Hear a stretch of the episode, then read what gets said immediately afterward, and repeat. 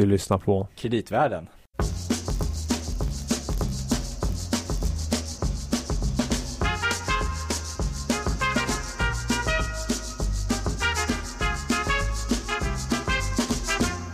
Varmt välkommen alltså till Kreditvärlden, världens enda podcast faktiskt om kreditmarknaden. Eh, jag sitter här med Louis Landeman, chef för kreditanalys på Danske Bank. Det stämmer Gabriel, tack. Eh, och själv heter jag då som sagt Gabriel eh, Bergin, jobbar också med kreditanalys på Danske Bank. Och eh, nu har vi kommit upp i ett antal avsnitt eh, av kreditvärlden och börjar lära oss mer och mer om kreditmarknaden. Just det. Vi pratade om ratinginstituten i förra avsnittet. Det gjorde vi. Kreditbetyg, eh, allt från AAA ända ner till konkurs eller default som det heter på ratinginstitutspråk. Vi har även gått igenom lite grann om hur den svenska och den internationella kreditmarknaden fungerar. Eh, och när man pratar om kreditmarknaden så är det svårt att inte minnas det som ändå hände i relativ närtid. Den stora finanskrisen. Just det. Eh, för då pratade man mycket om kreditrisk. Eh, I USA kallades ju till och med finanskrisen för en credit crunch. Ja, credit crisis kanske till och med. Ja, till det också. Och eh, vi kände att varför gjorde man det skulle vara intressant att ta reda lite grann på och, och, försöka förklara en av faktorerna som ledde fram till krisen eh, och framförallt den som var mest kreditrelaterad. Då. Precis. Eh, vi frågade oss ju också lite grann indirekt, är det, var det ratinginstitutens fel med den här kreditkrisen? Just det. Var det det? Då, vet du hur vi brukar säga på kreditmarknaden? Mm. Den som är utan sten kastar första skulden. Och eh, lite så är det väl. För att eh, det är klart att ratinginstituten eh, hade sin roll i det hela. Men det var ju eh, hela det finansiella systemet egentligen som misslyckades på många sätt och vis. Och inte minst bankerna självklart. Men regleringsmyndigheter. Ja, det finns många aspekter på det. Men vi kanske ska ta ett steg tillbaka. Mm. Det här var någonting som hände, vad ska vi säga, början på andra halvan 2007 så att det blev igång turbulens på finansiella marknaderna. Men om man ska förstå det hela bättre ska man nog gå tillbaka i alla fall tio år i tiden. Mm. Uh, för att om man tänker på det, det är egentligen väldigt likt de flesta andra kriser vi haft på finansiella marknaden. En kombination av hög belåningsgrad och stor exponering mot fastighetssektorn. Mm. Sen så var det ett antal element uh, i det här fallet som gjorde att det blev en mycket större kris. Men uh, om man går tillbaka till ja, 80-talet egentligen så var det ju både i Sverige och i USA och andra marknader en period av avreglering på marknaderna. där vi hade Reagan-tiden på 80-talet i USA. Starten på high yield-marknaden. Mm. Um, och um, egentligen därifrån och framåt så har ju belåningsgraden ökat gradvis egentligen både hos företag och hos banker och ju med en högre belåningsgrad så blir man mer sårbar när någonting går fel. Just det. Men där på vägen hann det ju bli ett antal olika kriser också men som inte fick samma konsekvenser. Exakt, som inte kanske blossade ut fullt. Och sen så var det ju så att uh, fastighetspriserna ökade också under en ganska lång period och uh, det är väl kanske lite grann om man tänker på Sverige nu lite, lite, lite läskigt då för att i USA Eh, så var det så att um, jag tror mellan 98, 1998 till 2006 så mer än fördubblades fastighetspriserna. Uh, och det hängde ihop med flera saker men vad man brukar kalla det för, det här the great moderation. Ja. ja, det fanns väl en teori inom bland annat penningpolitiken att man hade kommit in i en ny stabil era med oberoende centralbanker och andra faktorer som, som samverkade till att man skulle nu, från och med nu, eller från och med då, eh, mitten av 00-talet, skulle man kunna hålla en stabil, relativt hög tillväxt med låg inflation tack vare förtroendet för systemet och penningpolitiken. Eh, så blev det ju inte riktigt. Nej. Och sen var det också så att uh, när ekonomin lite grann saktade in där efter uh, ja, 2000-talet med telekom bubblan som sprack lite grann och vi hade 9-11 uh, så var det ju så att amerikanska centralbanken var ju väldigt aggressiv med att sänka räntan och jag tror att under 2011 så sänkte man uh, sin styrränta 11 gånger och uh, Fed Funds den här räntan gick från mellan 2000 till 2003 så gick man på, från en nivå på 6,5 ner till 1 Mm. Och det här drev såklart på den här ökningen av fastighetspriserna. Och samtidigt så var det ju så att det fanns ett sparandeöverskott eh, i övriga delar av eh, världen mm. som, som gjorde att det fanns väldigt mycket kapital att, att placera som ju då till mycket kom in i amerikan, man köpte amerikanska papper. Mm. Det var mycket från utvecklingsländer pratade man om. Man pratade om en savings glatt. Alltså ja, exakt. överskott av sparande medel. Men, och de här sökte ju någon slags avkastning, eller hur? De ville ju inte bara investera till 1%. Nej, precis. Och det här är ju också det man ska komma ihåg att det förklarar varför, hur kunde det här, alltså krisen från USAs fastighetsmarknad kunde sprida sig till resten av världen så var det ju på grund av detta då att det fanns mycket utländskt kapital som köpte de här amerikanska uh, papperna. Mm.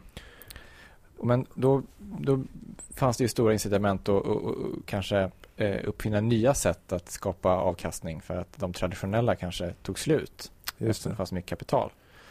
Ja, om man, om man liksom ska förenkla det väldigt mycket så kan man väl säga att det fanns ett behov av att hitta produkter som hade höga kreditbetyg. Mm. Uh, och de högsta kreditbetygen, de här AAA, uh, de flesta var det ju då av pensionsfonder och andra som kunde köpa det och även för bankerna som då hade här, en ny eh, form av reglering som kallas för Basel 2 så var det så att papper med hög kreditbetyg behövde man binda väldigt lite kapital. Mm. Så att man kan säga att alla ville ha produkter med högre avkastning men också höga kreditbetyg. Det är klart en svår kombination självklart. Men det, det ska man nog tänka på att det här drev fram den här efterfrågan. Och sen så parallellt med det kan man ju säga att så växte det fram en sorts skuggbanking-system också där Uh, man kan säga att institut som var mindre reglerade, om vi tänker typ investmentbankerna exempelvis i USA, uh, Lehman Brothers, Bear Stearns och andra, de hade ju inte samma typ av reglering som vanliga banker hade och det gjorde ju också att de kunde öka sin belåningsgrad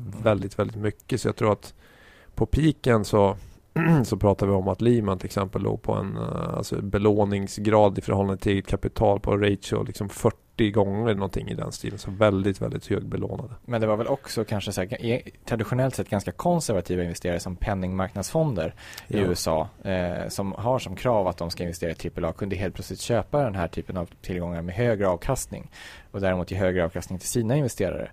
Och de, innan hade de bara köpt till exempel statsobligationer eller statsskuldsväxlar. Och de började också köpa den här typen av, av eh, papper då.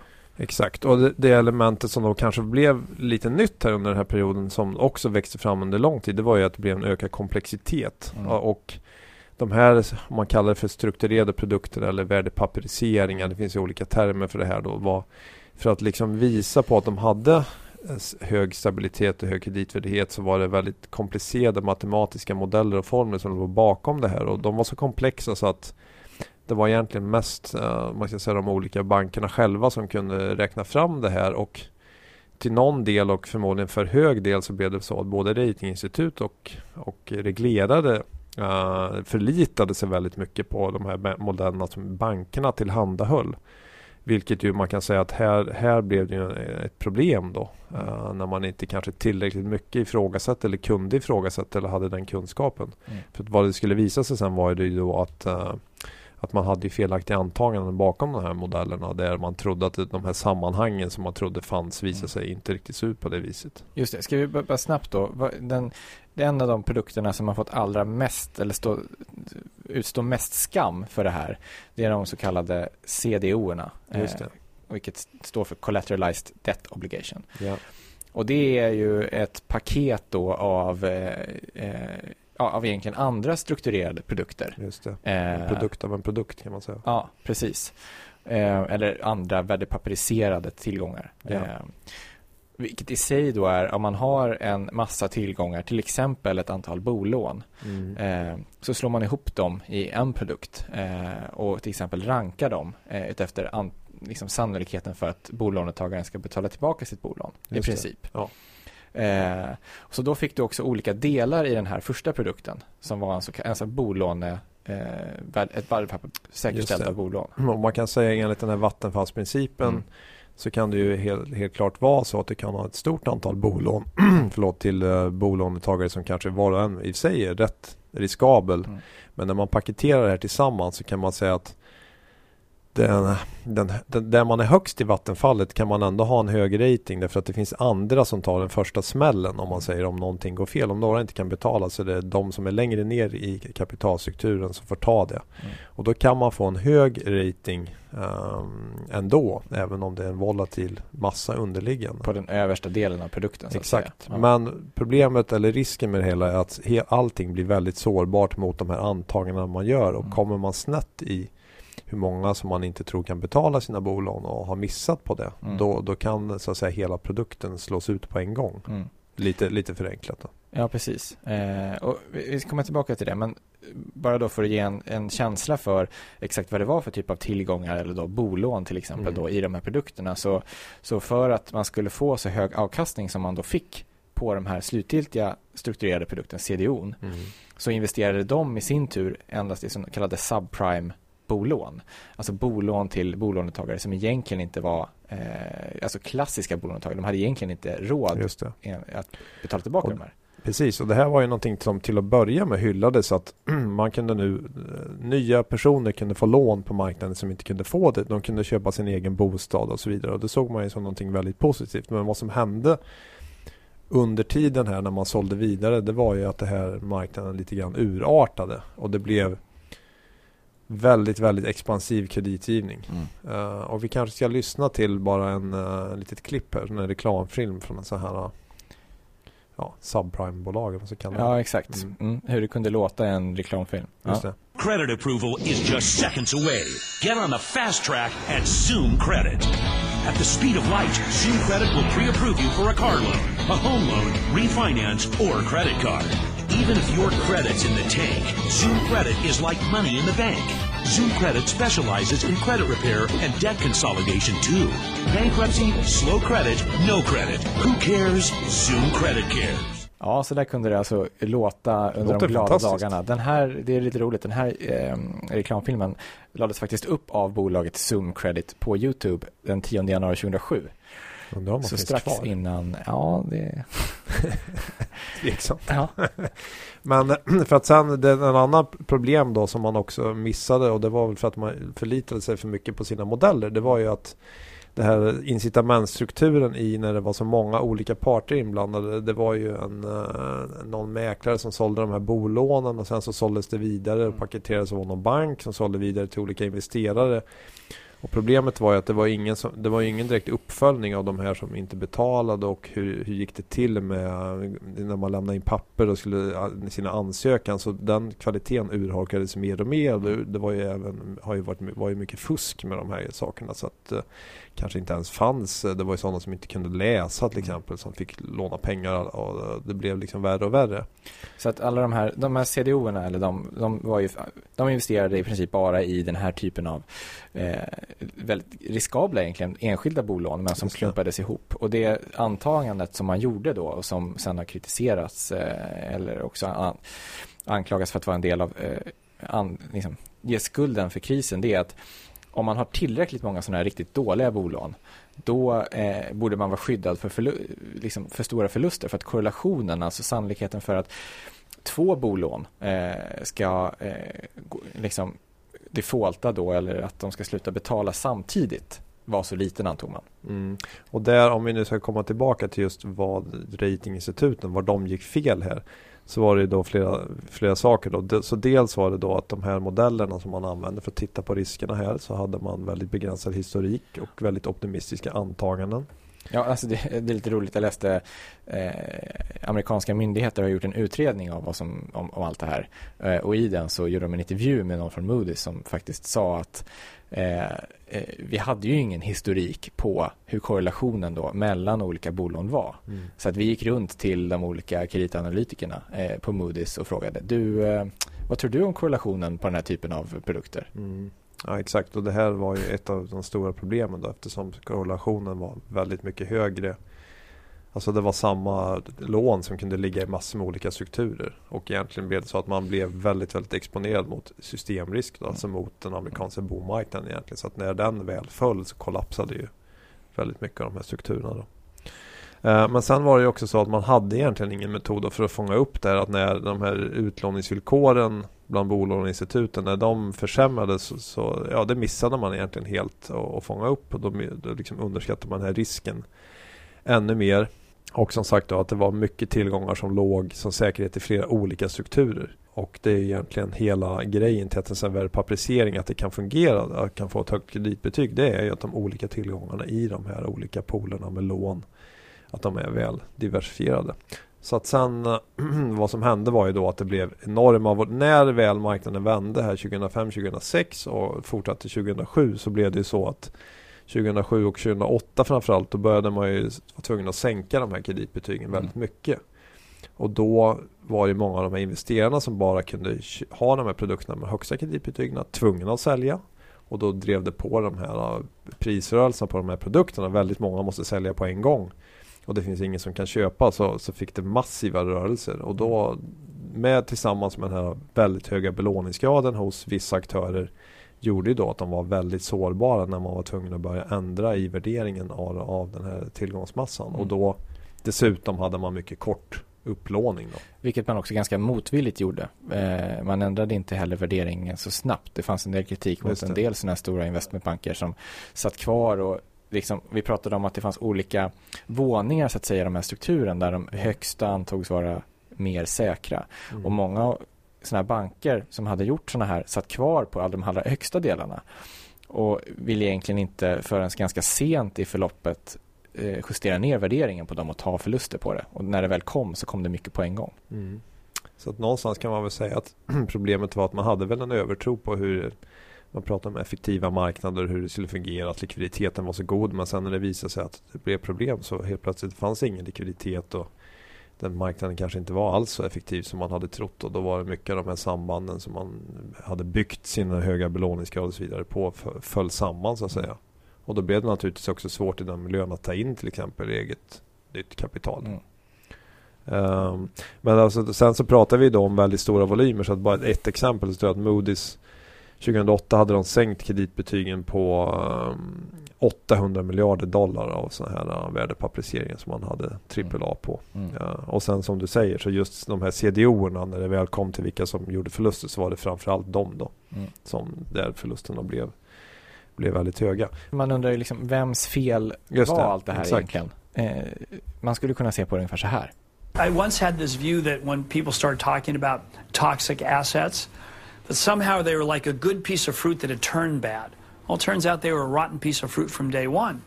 And all along the way, whether it was the broker, the lender, the securitizer, the market maker, everyone seems to have taken the view that they had no responsibility for the product that they were moving along in the system.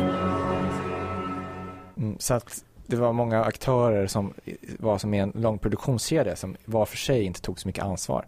Men sen kanske också man, man ska inte heller göra investerarna eh, helt oskyldiga för att det var förvisso väldigt komplexa produkter mm. och som jag nämnde innan det var flera aktörer som kanske inte var så vana med den här typen av produkter som började investera i dem. Och i och med att de var så komplexa så la man mycket mer kanske tilltro till ratinginstituten än vad man annars skulle göra eller när man investerar till exempel i vanliga företagsobligationer. Ratingen blev relativt sett viktigare för investeringsbeslutet. Mm. Eh, I kombination då med att ratingen blev mindre tillförlitlig av de anledningar som du precis nämnde så var ju inte det någon, kanske någon bra kombo. Nej, nej exakt. Det stämmer ju helt och fullt. Och det understryker väl också vikten egentligen av att ha stark reglering av marknaden. För att just uh, om marknaden blir lämnad och får sköta sig själv så att säga så uppstår det uppenbarligen olika typer av problem och krascher verkar ju inte vara någonting ovanligt på finansiella marknaderna. Man kan också bara säga apropå då ratinginstituten att man skulle kunna tänka sig att det finns ju tre rating, stora ratingbolag och då borde det finnas en viss mått av konkurrens och att det borde ju leda till mer liksom, trovärdiga ratings. Mm. De borde ju kämpa för att göra bättre ratings. Problemet är väl att liksom, kraschen kom först senare och när man, i kombination med att de inte riktigt visste heller vad antagandena skulle vara så ledde det snarare till att de kämpade om att sätta högre rating på, ja, och. Ja, här är väl någonting just uh, som är kärnan i den här kritiken mot ratinginstituten under krisen var ju att de tjänade ju så väldigt mycket pengar själva på att vara med och rita de här strukturerna. Jag tror att Moody's till exempel, någon siffra är att 40% av intäkterna eller om det var ännu mer kom från just sådana här värdepapperiseringar. Så det var ju väldigt, väldigt uh, lönsam Det var business. faktiskt så här att 2000 så var eh, 33 procent av Moody's intäkter från den här Mm. typen av produkter. Och bara sex år senare då, 2006 var det 44 procent. Så att det blev en allt större del av deras verksamhet. Och apropå finansiella innovationer. Mm. Vet du den här Paul Volcker som var, han var väl Mm. Fed chairman. Väldigt länge var han. eh, och varit med i debatten här kring efter finanskrisen. Just det. Vet du vad han har sagt om det här med finansiella innovationer? Berätta. Okay. Jo, att den enda finansiella innovationen på, på sista tiden tycker han som har verkligen har bringat något riktigt värde. Vet du vad det är för någonting? Vilken då? Bankomaten. Jag tror inte att eh, Björn Ulvaeus skulle hålla med honom. Ja, det kanske är så. Jag tycker att det var lite tankeväckande i alla fall. Ja, absolut. Mm. När, ja, just det. Nu ska vi inte gå in på det. Jag tänkte fråga, när uppfanns egentligen bankomaten? Jag är, Ja, ju ganska, lite- jag är ganska ung i och för tidigare. sig. Jag kommer ihåg när de var nya, så gammal är jag. Ja, okej. Men eh, i alla fall, eh, vi kanske liksom, så att det här ledde ju då fram till, egentligen ska vi bara, ska vi liksom avsluta med själva crescendot här på finanskrisen. En av de här aktörerna som var bland de Mm. högst belånade och som, för att det blev ju lite så att de högst belånade och svagaste eller som inte fick hjälp av sina stater Mm. var ju då som jag tänker på Lehman Brothers. Ja, jag förstår det. Mm. Eh, allting briserade 2008 och eh, som alla som antagligen lyssnar vet så var det i september 2008 som, som 15. Lehman föll Mm. eh, efter den där dramatiska helgen. Det finns många, redan många filmatiseringar och annat om just den helgen som är ganska bra. Men bara några eh, strax innan dess Några sista ord från Lehmans VD så innan var, det hände. ja, Vad sa han då? ja, då var hoppet uppe. He wants to put an end to rumors that the firm is in trouble. Crisis? What crisis? Every one of you should feel confident and proud. Our firm is strong today, and we will emerge from this cycle even stronger. We've done it before, and we will do it again. Twelve weeks later, the bank went bust. Ja, det gick inte så bra. Nej, exakt. Och ja, man älskar ju de här brittiska eh, dokumentär... Eh, vad heter Bra det? berättarrösterna. Ja, exakt. Ehm, nej, men så det var ju det det slutade med helt enkelt, den här historien. Och eh, vi lever fortfarande på något sätt i efterdyningarna av den krisen. Absolut, Mm. så är det. Men Så, na, så att eh, kontentan av det här är väl att det var inte bara ratinginstitutens eh, fel i alla fall, nej, kan vi väl säga. såklart. Och jag tror att eh, glob- alltså, sådana siffror i Financial Times nyligen, globala banker tror jag, eller om det är europeiska amerikanska, att man har ju totalt blivit stämd på någonting i stil med 100 miljarder dollar eh, för ja, skador, eller vad man ska säga, man har åsamkat eh, i samband med finanskrisen. Så att, Det är ju, var, alltså det senaste året framförallt så har ju eh, de stora amerikanska bankerna gjort sådana här eh, eh, förlikningar med amerikanska staten och betalar ganska stora summor eh, i skadestånd för just bolånerelaterade. För det är ju lite intressant, vi pratade ju om det här eh, med paralleller till tidigare kriser och sådär. Du nämnde ju vem som hade hittade på det här med CDOs från början. Kommer du ihåg det? Mm. Ja, just det. Jag sa det här precis innan. Ja. ja. Mm. En annan känd person, för oss i alla fall. Michael Milken. Just det. Mm. Han är, um, vad ska man säga, far till uh, jankbondmarknaden. Ja, det är han. Men det visade sig att han är också far faktiskt till CDO-marknaden. Han åkte i fängelse dessutom. Ja, Men Jo. det är en annan historia. An, en annan episod. Ja, men en får vi- kommande episod. Det är så spännande. det får vi nästan senare. ta någon gång. Ja, jag vill höra mer om Milken faktiskt. Mm. Ehm, bra, jag tror att det får räcka faktiskt för idag. Vi hinner inte med mer. Men det känns som att nu har vi pratat om 00-talet, det låga räntemiljön, Mm. eh, jakt på avkastning. Skuggbanksystemet. Känner du igen det här på något sätt? Mm. Det är, Vad känns tänker som du att på då? jag tänker på att idag är det också ganska låg ränta. Det är ganska många som jagar någon typ av avkastning. Det har du rätt i. Eh, vi är kanske inte uppe i de här komplexa produkterna, men eh, någonting som har växt en del på sista tiden som all, med, till följd av detta är ju faktiskt marknaden för högriskobligationer, high yield bonds. Just det. Så eh, nästa gång, Mm. Då kanske vi ska titta lite på om man investerar i ett high yield-bolag Ja. så, och det inte riktigt går som man tänkt sig med för det bolaget. Vi kan du titta på ett exempel på ett bolag där det gick lite fel Mm. med investeringen och vad som hände då. Ja. Mm. Det är en Det- jättebra idé. Jag, hade, jag tänkte faktiskt på samma sak. Så det var roligt att du sa det. Ja. Vad bra. Ja. Men vi berättar inte vilket bolag va? Nej, det håller vi på. Ja, det kommer i nästa avsnitt. Ni kan gissa, ni kan skicka till brev snabel-a, eller at kreditvarden.se eh, så kan ni dels gissa vilket bolag det är. Ni kan också skicka in om ni har några frågor till oss eh, så ska vi ta upp dem i kommande avsnitt eh, och antagligen svara er direkt också. Vi finns även på Facebook och ni kan såklart lyssna oss på oss på iTunes vilket jag antar att ni, ni nu gör. Men med det så får vi väl tacka för oss för den här gången. Det tycker jag. Så hörs vi igen på Ja. veckor. Tack, tack. Tack, hej! Hej.